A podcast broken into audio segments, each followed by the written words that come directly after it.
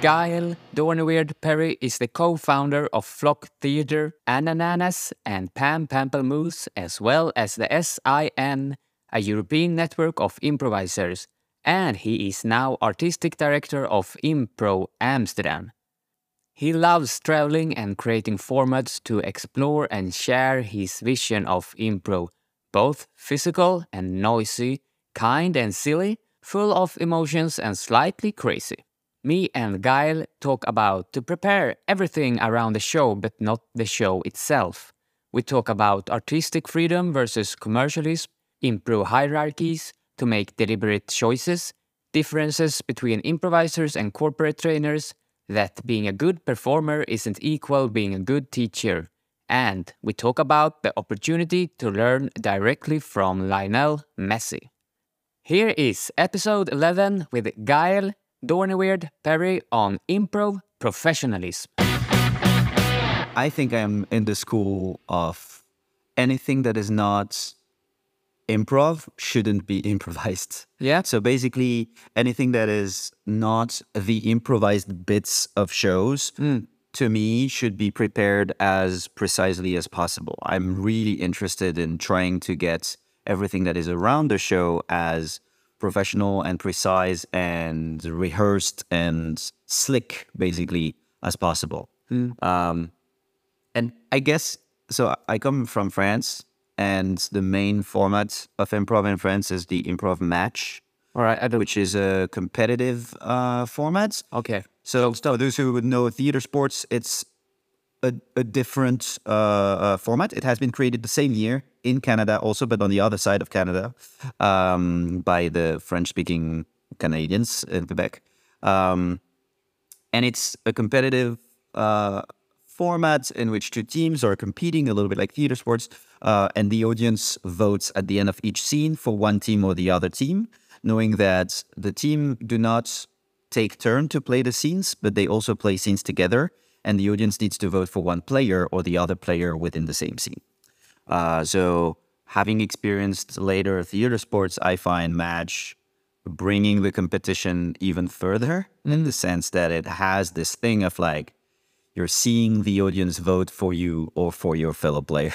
Oh, Um, and because they vote with color uh, card cardboards or like little cards, uh, it's also if you play in front of like 200 people, you also might have moments where 200 people are showing the color of your opponents, right? Um, and the match has its quality and his flaws, and it's definitely not the format that speaks the most to me. But what I've learned to really appreciate in it, especially the way I learned it in the association I started improv in Strasbourg called La Lolita, which is like the historical league of improv in Strasbourg, exists for 30 years this year. Um, they, I think they, they've always tried to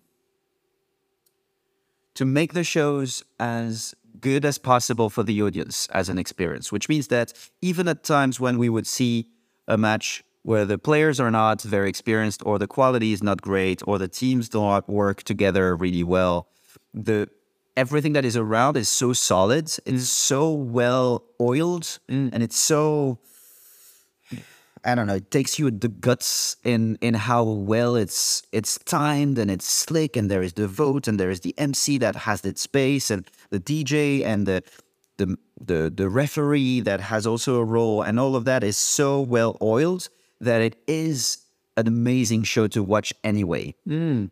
And then when improv, the improv in it is good, it's a it's a really good show. But even when the improv is bad, it is still a very good show for the audience right. and um, and I find us as improvisers sometimes completely underestimating that side where we're like, oh, it's improv, and and I feel like we should approach anything that is not the improv bit as precisely as possible, so that when we improvise, we have a frame that is that is nice, that is slick, and because inherently improv can be good or can be bad.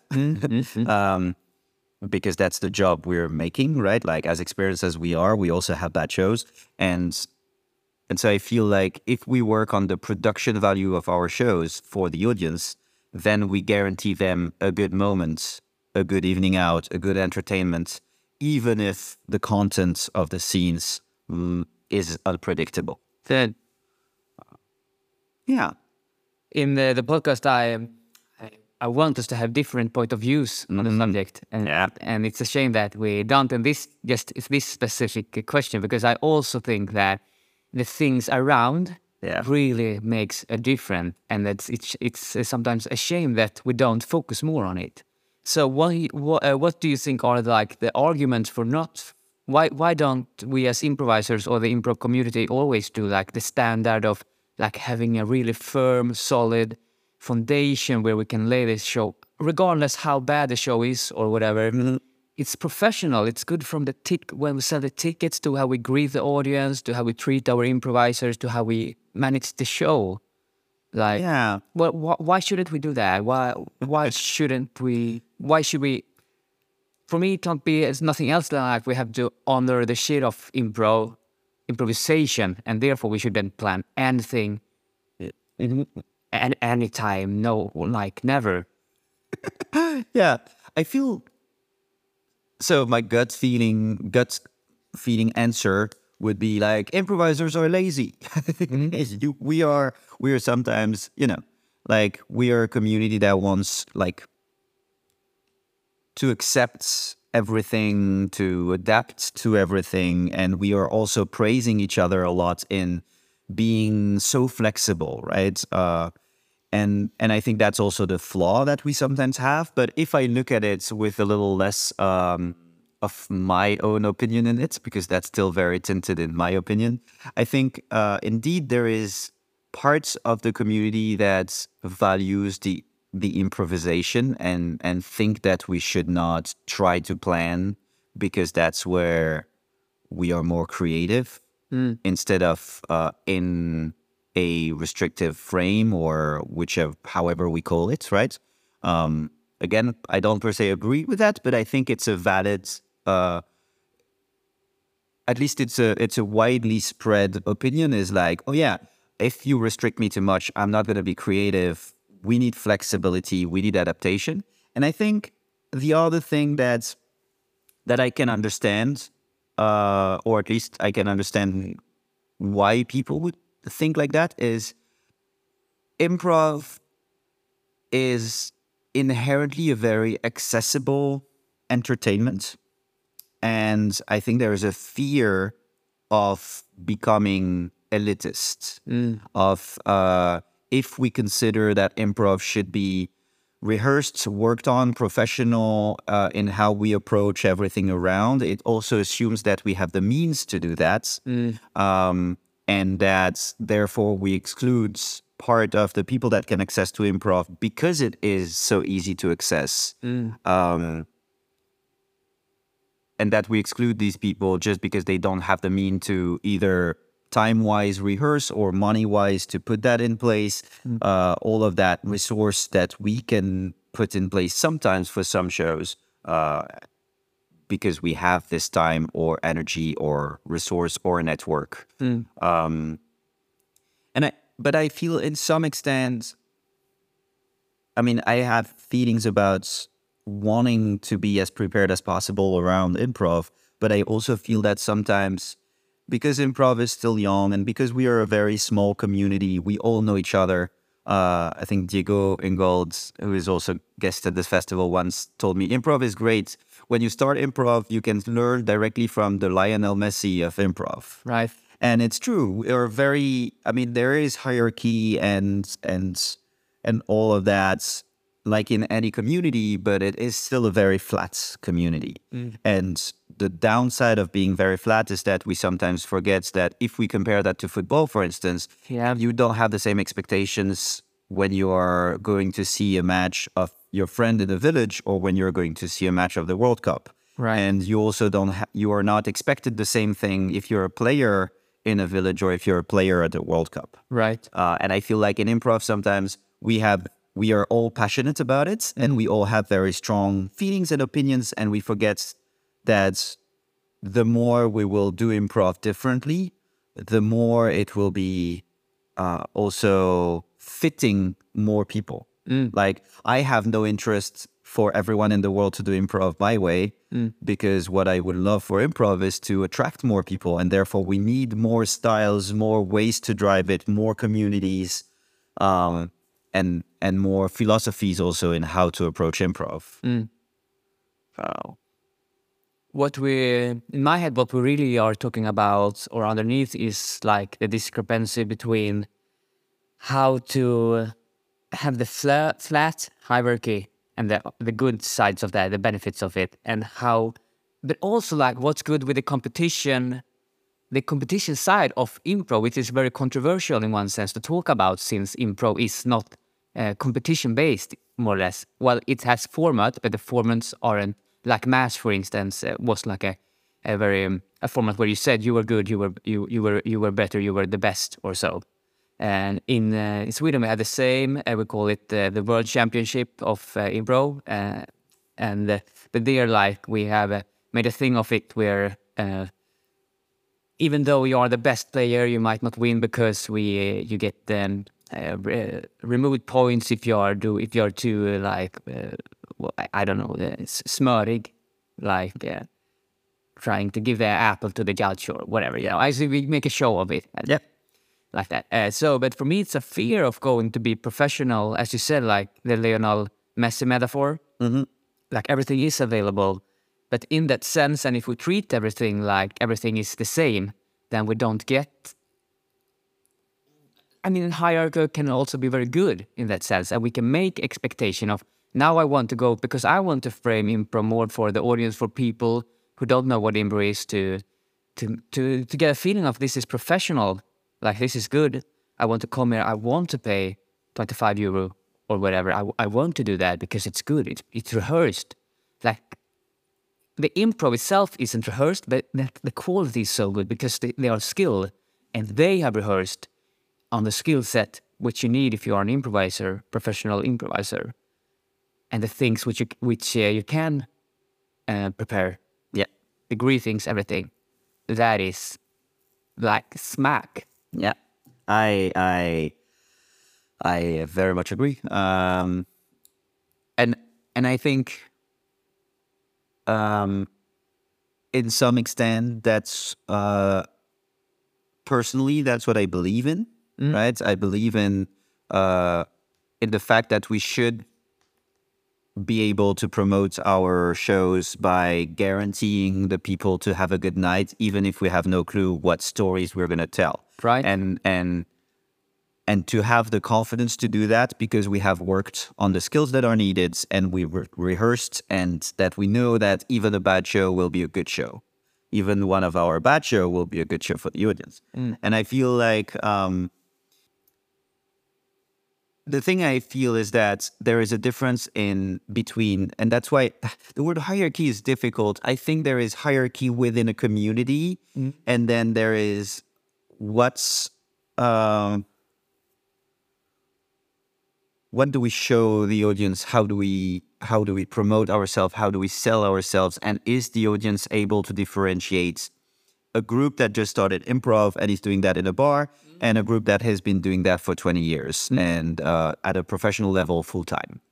And I think today, the the the struggle we sometimes have is that we are afraid that if on the audience side we clarify that difference, we will start having that hierarchy existing also within the community. And in some aspect, that's the fair fear because that hierarchy or that behavior within the community between us as improvisers exists, right? There is plenty example of improvisers that have experience that become impossible to communicate with or or very uh, uh, looking down on the rest of the world or like whatever, right? So it is already existing. Um, but that fear is also what sometimes keeps us from from really taking the reins of of professionalizing that. Now, it also depends on the communities. Uh, I again, I I live in Amsterdam for two years and a half. Uh, before that, I uh, done a world tour with Laura, who is uh, my partner, and we've been all around the world, interrupted by this tiny thing of the pandemic uh, after seven months. But we've uh, traveled a bunch, and and before that, I learned and I practiced improv uh, as a professional in Strasbourg, in France. And Strasbourg is a is a city that is three times smaller, approximately, than Amsterdam. Um, and I think there is three times more improv improvisers and shows of improv than in Amsterdam. Oh shit! Um, So uh, Strasbourg is a big improv community. it it it is a big improv community, but also I think um, there is something that developed somewhere along the history of how improv developed, where um, improv is today in Strasbourg is improv is very much a show for non-improvisers. There is there is very few shows where it's only for improvisers in the room. Like I in the amateur association I started in in La Lolita, all the shows are like almost all the shows are sold out and it's 200 people every time. Wow.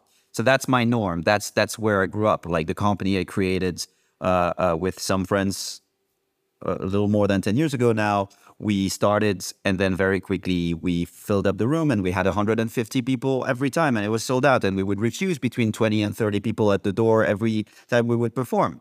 And all of these people are not improvisers. There are people, like you said, there are people, normal people that are happy to pay the price of a ticket because they're having an, a good night out. And they come back and they bring their friends because they had a good night out and they uh, find it worth it to see that show and to pay for that show. And I feel like sometimes in some communities, we have the tendency to approach audience as if it should be a favor to us as players. Like we're asking people, we're like, ah, can you come? I need to bring people, you know, we need to have some people in the audience. And we, we as actors behave as if it was a favor to come to see us. Well, I feel like we should behave as if it was an opportunity Right. to see a good show. Um, so to, to come back to that hierarchy thing, I feel like, yeah, hierarchy is not per se a good thing uh, if it's, or at least I don't believe in, in hierarchy too much if it's within the community. But I think we shouldn't be ashamed of also what are the different areas and what are the different things that we offer.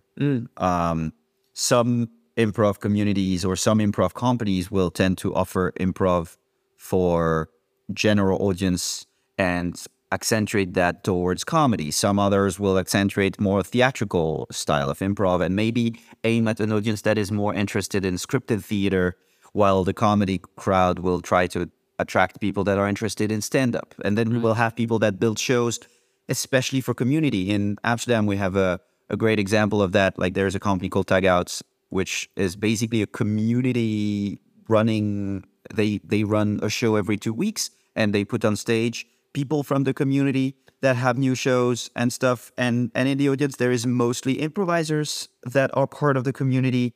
And it's it's a super nice um it's a super nice hub of improvisers for the community because there is stage time it's short sets and they can see that. And there is a lot of like exchange and it's a very nice uh, uh, place to also yeah to share and to meet each other and stuff and and that is different from other communities that are not looking at giving stage time to other small groups that are beginning or or whatever but that are looking to produce different shows um in the company i'm part of that i created here in amsterdam with with laura flock theater we are trying to aim to the more uh, theatrical side of improv. So we work a lot on on on staging and set and how we set the stage and how we approach the stage and and and what are the themes of our show and we rehearsed a lot on that.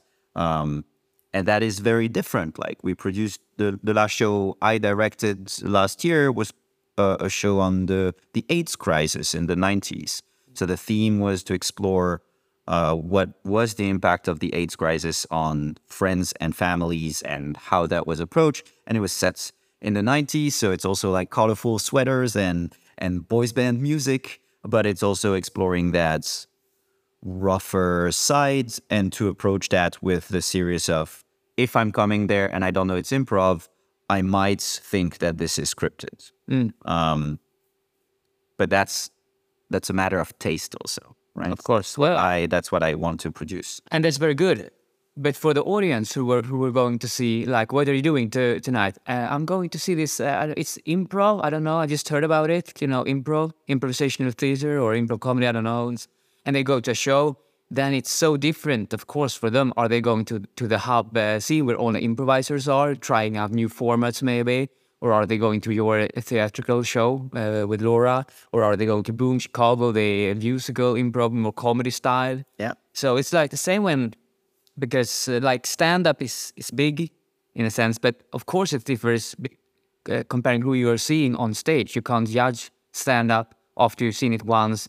Maybe you've seen it at a small little bar where the one someone for the first time tries it out just to see if it's something for them and it's not that good. Yeah. And then you just stand. Now I I have been to stand up, so I don't want to go to it anymore. So therefore, it's uh, a point for us as um, directors or uh, uh, owners of the theater, like making it uh, maybe precise for the to the audience. What what can you expect? What is it called? But also the name, like because I, I have a, an, an improv comedy club, which is a comedy club. Of course, it says itself. So it, we're focusing on comedy. That's the prior, not the theatrical aspects of it. Even though, of course, it's included in it. Yeah, obviously, because you're on stage. Right, right. Yeah. And then we also have like the somewhere in my head when we're talking the commercial versus the uh, artistic freedom, which is uh, like uh, often what I feel anyway, an aspect of it, because sometimes it feels like they want to see the crowd want to see short form games or like they really enjoys it.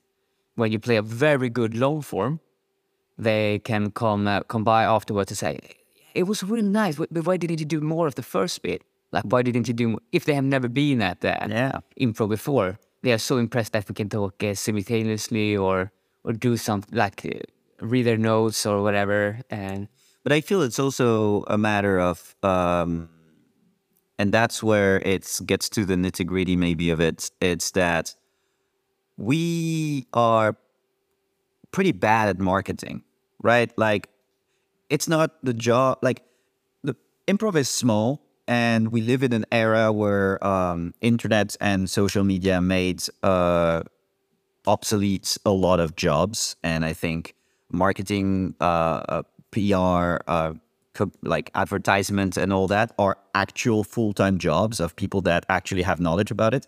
And we all kind of like improvise that thing right? Or like we are trying to understand how it works and to do our best. But the, the result is that very often we actually don't reach the people that would be interested by the material we have and so I I mean that debate of commercial versus artistic is always present, and it's been since as long as I started improv, I think. Um, and I think it will still be always a little bit of a discussion. Um, the thing I do believe is that if we do the things that we want to do, we will find the audience that likes that. And I am more interested in producing th- something I truly believe in and have some people like it, some people hate it, some people being meh about it, and some people loving it, mm. than producing something that will kind of please everyone. yeah, I'm not very, but that's also how way I'm in life, in my personal life. I'm not very interested in having this like, out like, medium warmish feeling about things. I I like loving and hating things, and I like when when we approach things and we have opinions on like, yeah, do we do we like that? Do we not like that? Do we want to do that? Do we don't want to do that? And then if at the end of the show, in my audience, out of hundred people, I have twenty that are like, actually, it's not really my thing. I'm. It's great. It means that they will find something somewhere else that is more their thing, mm. and and maybe sixty of them will be like, oh, I don't know, it was nice. Maybe I'll come back. Maybe I'll not. And then you have twenty of them that are like, this is amazing. It changed my life, and it's for these 20 people mm. that that I want to continue to produce the things that I really love mm. because because it is safer to try to please everyone, but it's more impactful to change the life of a small portion of people. right. Uh, and so I feel like that's also why I truly believe in collaboration between different improv communities, and and that's something that we're trying to do in Amsterdam to also communicate more between the different communities because at the end of the day, in a city like Amsterdam has a million people, we're like three professional English speaking communities, uh, and we don't compete with each other. If we are not able, even if we all play the same night, if we're not able to all bring, I don't know, 100, 200, 300 people to watch our shows the same night out of a million people in Amsterdam, it's not that we're competing with each other. It's just that we're bad at advertising. Yeah. Uh, and we're not there yet. There's plenty of work to do, and it's also very rooted in the community and in the belief of some people that improv is not worth watching. Um, but I think the the start of that, and that maybe comes back to the very beginning of this discussion, is like for people to feel like it's worth it, we should behave as if it was worth it. Right. And so it also means that I believe that if I want regular people to come to my show and be happy to pay the price of the show and come back home fi- thinking I might come back because it was a good night out, I need when I'm on stage to behave as if it was in the show and not as if I was in my living room with a few friends. Yeah. Right. Um, and that's that's the thing that I want to produce. So, so I I agree with you, and I think that uh, people who are hating it, as you said, if you want to drive your own thing, I want to do this. I want to either uh, I want either people to love it or hate it. They might not e- hate it because of the venue you're at, because of the good uh, food, the the good drinks, the the profes- professionalism about it. So I think that you can lower your like um, or raise your lower threshold about people. So they might say to their persons or people like uh, the friends, well, I didn't like maybe th- that it was the style. It was too theatrical. It was too like I just wanted to have fun. It wasn't that fun. But however, the, the food was great. Uh, I would definitely go there again if they put up another show. Or I think you, Matt, you should love it because you are into these things, right? So that that's also a different. Yeah. Because we get audience who are there and they don't. They, it's bad. Let's uh, say that it's very good improv, like theatrical and and so, and it's in your artistic view. But the whole thing around it is also bad arranged. Then the people who love it, they will still love it. They, they might even love it more because of it was not so commercial. Yeah. But the people who doesn't love it, like it, or or are at math, they are they will definitely like be scared of it. I think, or like talk bad about it. But I don't know because that's just to stress the the meta show, like everything around the show. Yeah. Again, But I think it's tricky because we tend to describe professionalism as commercialism. we do. and it's not I do. the same.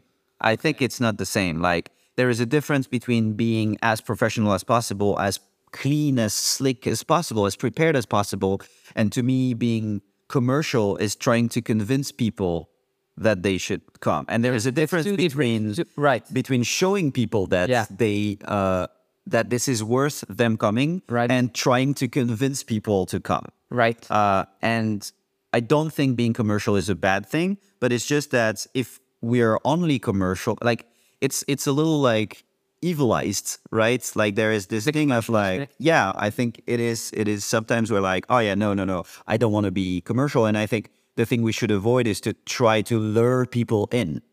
right. Right? There's a difference between showing people what we're doing and hoping that they like it. Yeah. Finding the good people that will like it because some people will like whatever you're doing. You will always be able to find people that like it. Hmm. And luring people in by trying to like trick them basically into coming. Right. Um, and and that second aspect to me is is is not that great. Uh, and I'm not very interested in that. And there are some companies that does that that do that.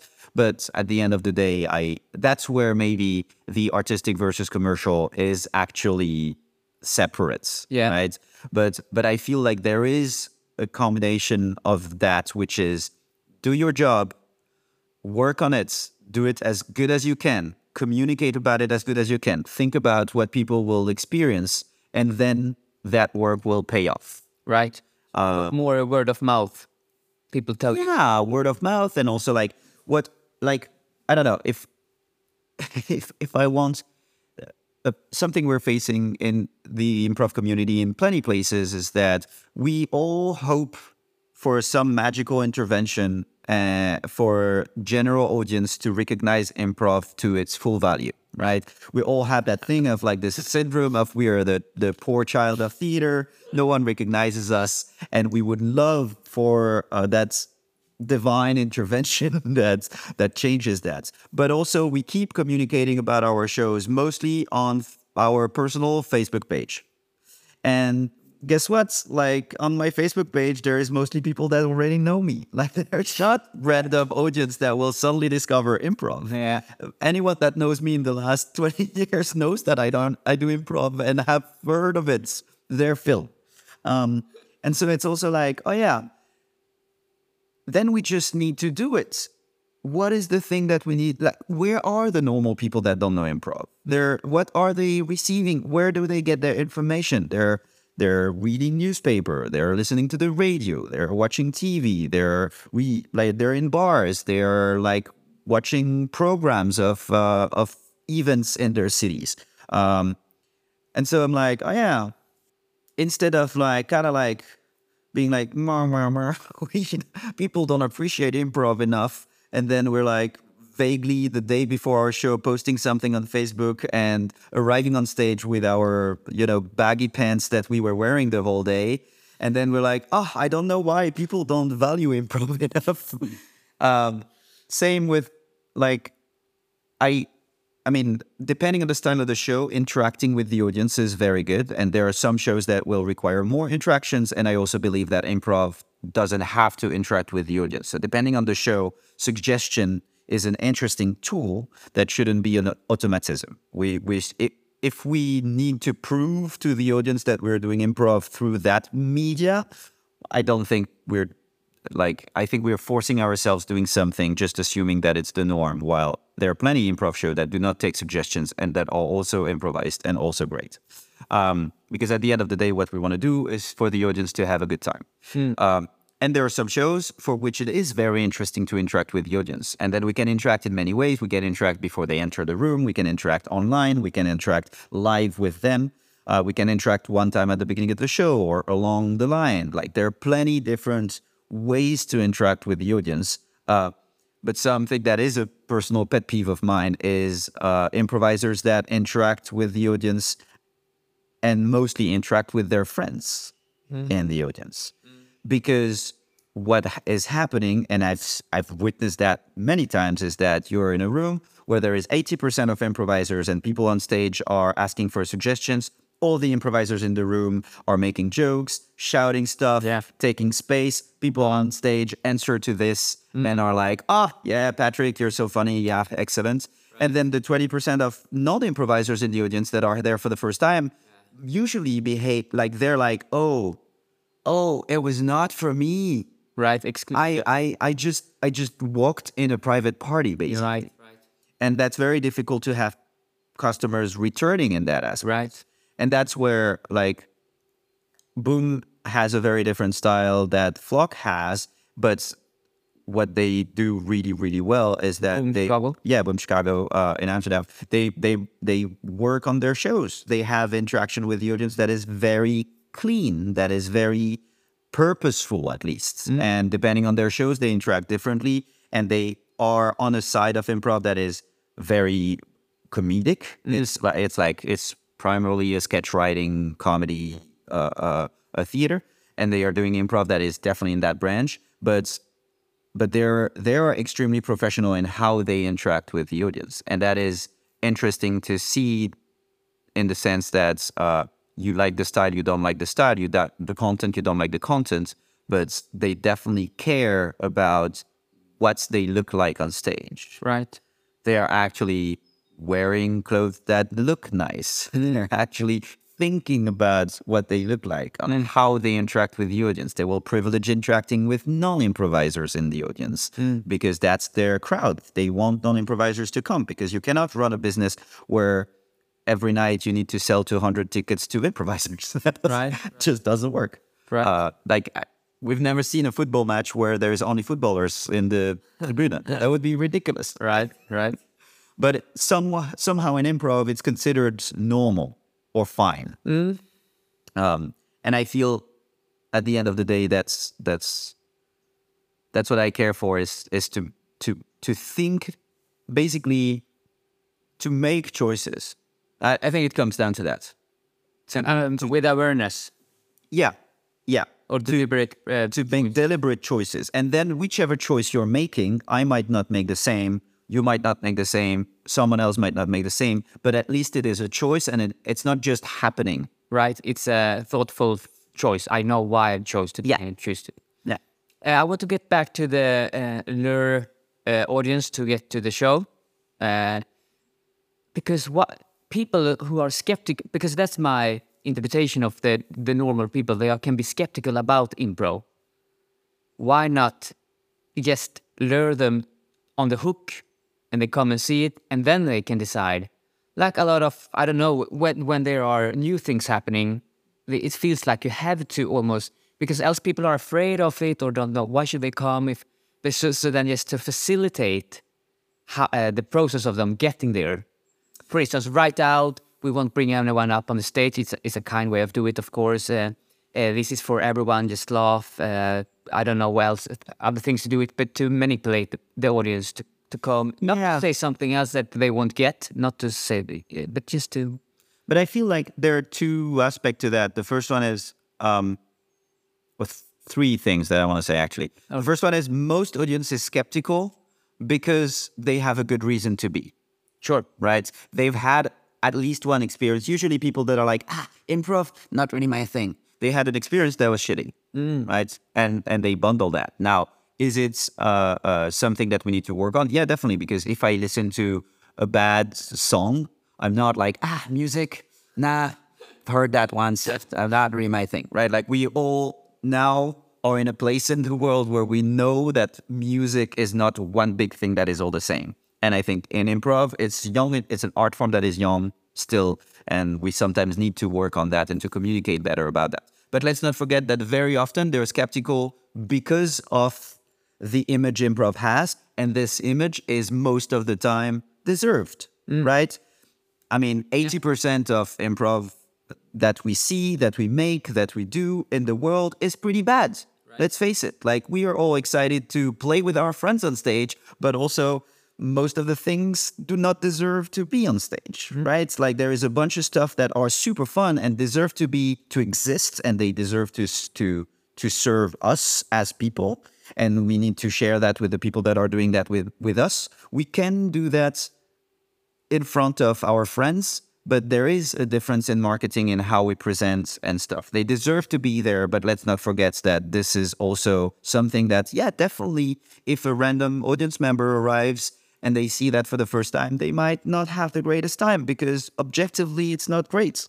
Right? It's a great moment. It's a great experience for the people that are in it, but it's not entertainment that is worth watching. Uh, Andrew Heffler, an improviser living in Hungary, said, like makes this analogy of like, my son is 14, he's playing basketball, and I love going to watch him because it's my son. But it's not a good basketball match. I'm not gonna charge my friends to see that thing, right? And and in improv, sometimes we do a little bit that. We're like, hey, you know, I'm doing that thing on Tuesday night, and I'm gonna charge you to watch me rehearse on stage, basically. Right. Uh, so that's the first thing is that I think like They have let's not forget that that most people have a good reason to be skeptical because our image is not great and our image is not great because we also uh, can improve in how we present and how we differentiate things um, and then the the the other thing of i think of there is stating what to expect. So when you mention we will not bring anyone on stage, or uh, it is a it is a an open space that is welcoming anyone, that is just basically stating what you're doing, right? And that's and that's a good thing. I don't think that is lure, luring anyone in. It's just being precise on what to expect. how could an example with luring the people, the audience in? I think that luring people in would be like, "Hey, come to this uh, great uh, show that is amazing," and actually we've never rehearsed it, right? like when like there is, or like you will you will get, or like uh, uh, say that, like bribe people in, come in and you will get free booze. Eh, we do a bunch of stuff like that where we're like trying to convince people in while we don't actually put the work. Mm-hmm. Um, I firmly believe in rehearsing. Right. I firmly believe in rehearsing before shows. Like there is no such thing as going on stage and suddenly having a, a show idea and putting it on stage in front of an audience for the first time. Mm. Like, or don't charge them mm. then, right? And be clear about the fact that this is actually an open rehearsal. Uh, and that's where that clearness works. And then I think the last thing is to bring more people in that are different. I think we should get them where if that is in our artistic bubble of interests, we should think about what do people like and who is it addressed to. Um, a, a, good example, I, I had that talk this summer with uh, uh, Lee White, where we were talking about D and D improv, Dungeon and Dragon improv, right? It is like it's a good example of like it's a niche community. It is touching people that are very passionate about a topic, and if you're an improviser that does genuinely like Dungeon and Dragon and is interested in putting a, something on stage with that, then you should advertise that to people, not people that like improv, but to people that like Dungeon and Dragon, because you already have a hook that is not luring them in, but it's simply, hey, I'm producing something that you love, that I love, and we're going to share that with you. And that's a good way into improv. Uh, the only thing is that if I don't like D&D, I probably shouldn't produce a D&D show because what will happen is that instead of having fun with a topic or genre or a field or something else, I will make fun of that thing. Right. And I think that's where we're luring D&D people and and then we're making fun of nerds and you're like, Yeah. well, I would like. I, that is not super nice because actually I like D&D and I'm now watching a show where you're like but do you have experience that the improv theaters does that? Like, uh, I think D and D has done has been done a lot in the last few years, and that's a good example. I've seen amazing D and D shows where, and I'm not even a D and D player, uh, but but I've seen D and D shows where the process was thoughtful of like, ooh, we like D and D. What's in D and D do we like, and how can we translate that Right. to improv? And I've also seen a bunch of D and D improv where it's like, let's have ridiculous costumes and pretend that we sword fight okay, right? And and then it's it's it's different. Yeah. these shows. Both of them might be successful mm-hmm. commercially, mm-hmm. but to me, one is commercial and the other is trying to produce something on stage. Uh, and that's where maybe that commercial aspect versus professionalism is is separate. Is like the moment we lure people in, I feel like this is just commercial. Okay. It's only commercial. Yeah. Because there is no soul behind. Mm-hmm. Well, if we want to genuinely share something with the audience, then then there is the intention that is good and we can build around that either something very amateur, something very casual, something a little more rehearsed, something professional. Right. So the, the concept of professional is, uh, I think, different for uh, because when I, we when I've spoken about professionalism, of course, it includes uh, things other than making uh, uh, make your uh, what is a living of it. Like that's Yeah. the, defini- the the definition of it. But of course, it has all these other things knotted to it. It has to be like what clean, nice, good, rehearsed. What do you me think anyway, or like a good product, a product Yeah. in one sense, and also like um, honored Yeah, I guess being ethical Not like- about it. being ethical in the sense you and me think what what what ethi- ethical meaning then I guess if we go with that also brought that yeah oh cool yeah And it's also, I don't want to evilize any type of decision that is made commercially simply because for art to exist, we first need to survive. That's the first thing, right? Like, I I would love to be subsidized and give away everything in this festival for free. Uh, the reality of it is that if we do that, we are dead, and next year there is no festival existing, and we cannot continue to improve, right? Right. And I think that's the reality of a lot of theaters, company theaters, uh, uh, festivals, and artists as individual is that we need to sustain our life. Period. It's not even our level of life. It's just our life first. Right. Um, because if I can't pay rent, I will stop being an artist and I will have to find another job that pays me better. Which is also why when I'm doing my job, I charge a certain price, for instance, right? And the reason for that is because I need to one survive, two value my work and experience, and and three that is the way for me to continue bringing things in the world. Right. uh, and not only today, but also tomorrow and in a year and in ten years. Mm. Um, so, so like commercialism is uh, like that's why I'm, I don't love the term because it is both something that can go on the side of actually it's luring people in, but it's also necessary for professional improvisation to exist. right? But why not? Or I um you um, uh, have a lot of experience. Why don't like only do like company gigs, which is often very good paid, and then just skip all the commercial shows. And now I'm doing this um, Air quotes. yeah, yeah. Um, which is also fun, but not that fun, and just drive your own artistic view and do- don't care about how many shows up. Like, why don't be more black? Because I'm in the same position, but I'm doing a lot of like shows, which also I want to please the audience, to get a lot of audience to uh, sell tickets. But that's assuming that if you do what you like, you will not sell tickets, and I disagree with that. Yeah, no, it's a very good uh, And- point. on a on a on a given time if tomorrow suddenly you stop doing producing only the thing you like and you don't think about pleasing the audience of course you will not have as many people Right, of course. because you've now educated your audience to like the thing that you're producing and then it's an infinite loop of like oh yeah but my audience likes that but also i keep feeding them that and so the people that come are also the people that and Yeah. that's what you were saying about like Yeah, the time before is like no one will tell Matt you would like that I even if I didn't like it because you keep producing the same thing. Right. Um so it's not it's also like it's not a it's not an instant solution. It No. it requires work, it requires adjustment, it requires tryouts, it requires like ah, shows where you're tanking, it requires shows that are brilliant and there is only 25 people in the audience and it requires shows that are all right and where you have 150 people and everything in between, right? Um Of course. but I mean, I think a lot of us improvisers are sustaining ourselves by doing corporate gigs that are paying really well and that most of us don't like, right? Um, or like less than the thing that makes that made us come to improv first. Right. Um, but to me, it's just not the same job, right?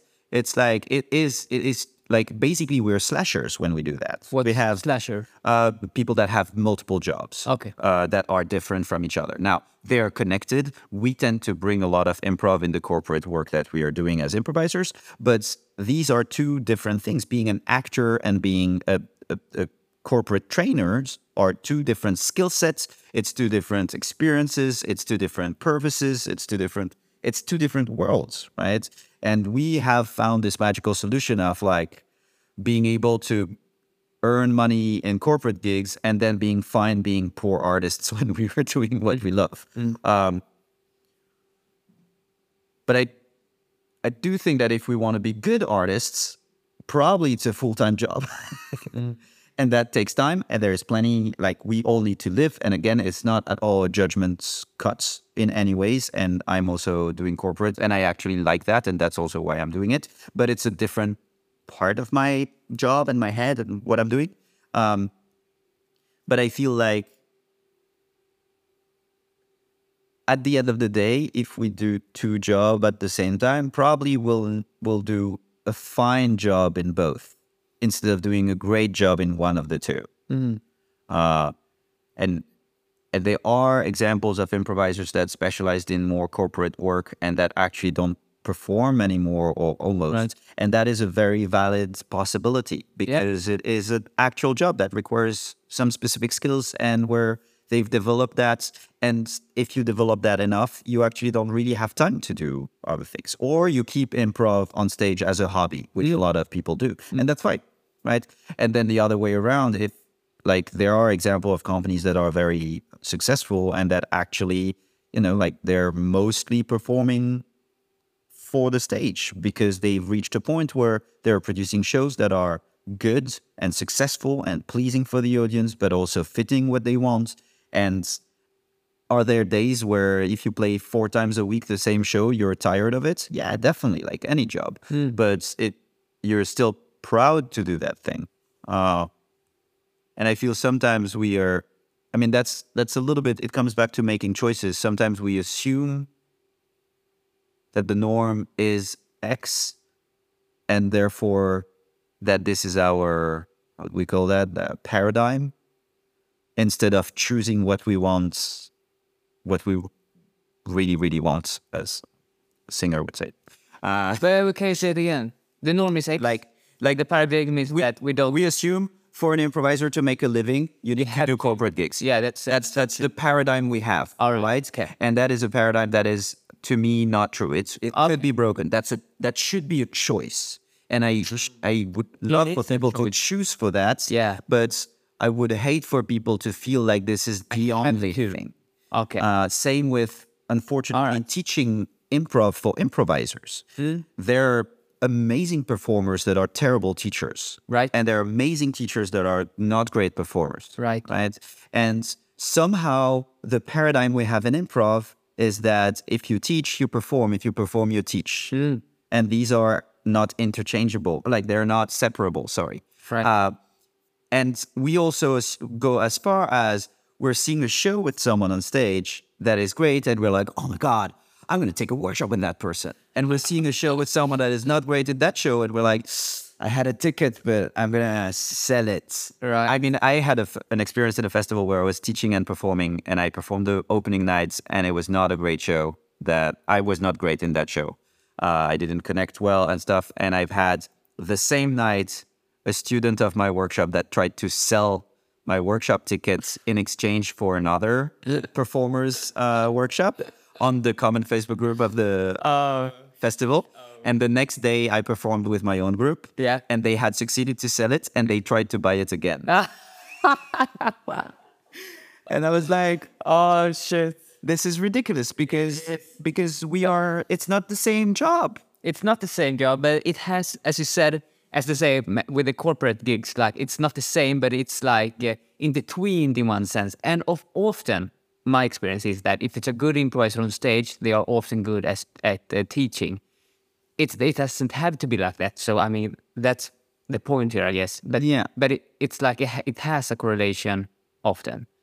That's my. Don't think so. You don't think so? No, I think uh, when you see someone that is good on stage, you are expecting for the workshop to be good, and therefore you behave as if it will be good, which very often in in learning, and learning that's what makes us learn is to have the attitude as a student to want to learn. Yes. and and that is like in in sciences it's like I, I'm a former scientist. Uh, in sciences we have the same. Like professors are unfortunately in most universities kind of forced to teach uh, a certain amount. Yeah. Um, and people that are brilliant in their research are often not Yeah, yeah. pedagogues. No, that's, uh, people that are great in pedagogy are often don't have time to to or are not as precise in their research. I agree with that. So, and the good thing that you said was also the mental uh, attitude to, to the workshop and like, yeah, all the psychologist uh, uh, biases about uh, the halo effect, uh, Yeah. for instance, like you. So I, I did that actually last show. I was uh, watching uh, uh, the improvisers and uh, I was thinking, what if that was another improviser which I look up to, I think they're very good on stage and did the same thing now? Then it was a whole different thing. So it was exactly what yeah. I mentioned now. Yeah. So the yeah. And I think that's why in Impro Amsterdam, for this edition, for the first time, we've opened applications that are different for all the positions in the festival as artists. So we had open applications for teaching, we had open applications for directing, we had open applications for performing, we had open applications for hosting jams. Um, and and that is going in that direction of like, yeah, the, the directors of the festival are not performing in their own show because it's not the same job the the performers that we invited in the ensemble are not forced to teach and they're not guaranteed teaching simply because it is not the same job people that are hired and that's why we wanted also or i wanted to bring that in the festival to start paying performers and not only for performers to make their money teaching because it is not the same thing it is different uh, uh, uh, Did you do that? This yes yeah cool. I I, I admire that. That's uh, nice. and it's also difficult, right? Like the the reality, the um, the financial reality of most uh, communities is very limited, and so it is it is also compromising, and we are all compromising in our own way, and that is very understandable. But I guess my goal is for more people to be aware that it's a choice. That it's a choice. Choice. And at the end of the day, not choosing is also choosing. It really drives me as a as an artist is don't take anything for granted. You can always choose for what you want and and make it happen. And and sometimes it's not possible and sometimes it's not working and sometimes people are in the way and sometimes the community is not the good one to do that. And and we can always be aware that sometimes we cannot choose for what we want, but we can still want to choose for it. and I think that's a nice yeah, vibe. I would love to be able to choose for paying better all artists involved and Right. all people involved in the production team of this festival. And I'm aware that I want that and that's the direction I want to take. And today I cannot, but that's the direction I want to take. So it's a give, a give a good um, uh, motivation. Yeah, I think so. And it's also sometimes um, we are pulling up with a lot of things just because we think it's the norm. Right. And I think, You don't mm-hmm. see the other possibilities. yeah, also because sometimes the best possibility is to just get away, to just quit, to just not do the thing that others want to do, right? Right. And so choosing or being aware that you have the choice, the conclusion of that might also sometimes just be, well, this is not for me, or Right. this is not for me here and now. This is not for me with these people. This is not for me because of X or Y. Mm. But we, we don't have to put up with anything that we think is the norm. Right. And that what we are doing right now is also a choice. Yeah, yeah, exactly. Choosing to stay is a choice. Right. and choosing to leave is a choice. And sometimes we can choose to stay even if it's not exactly how we want for any reason possible, practical, because it's because we want to lead to something else, because we have the the drive to become something else or the ambition or whatever. But it's good to realize that we have the choice to do that.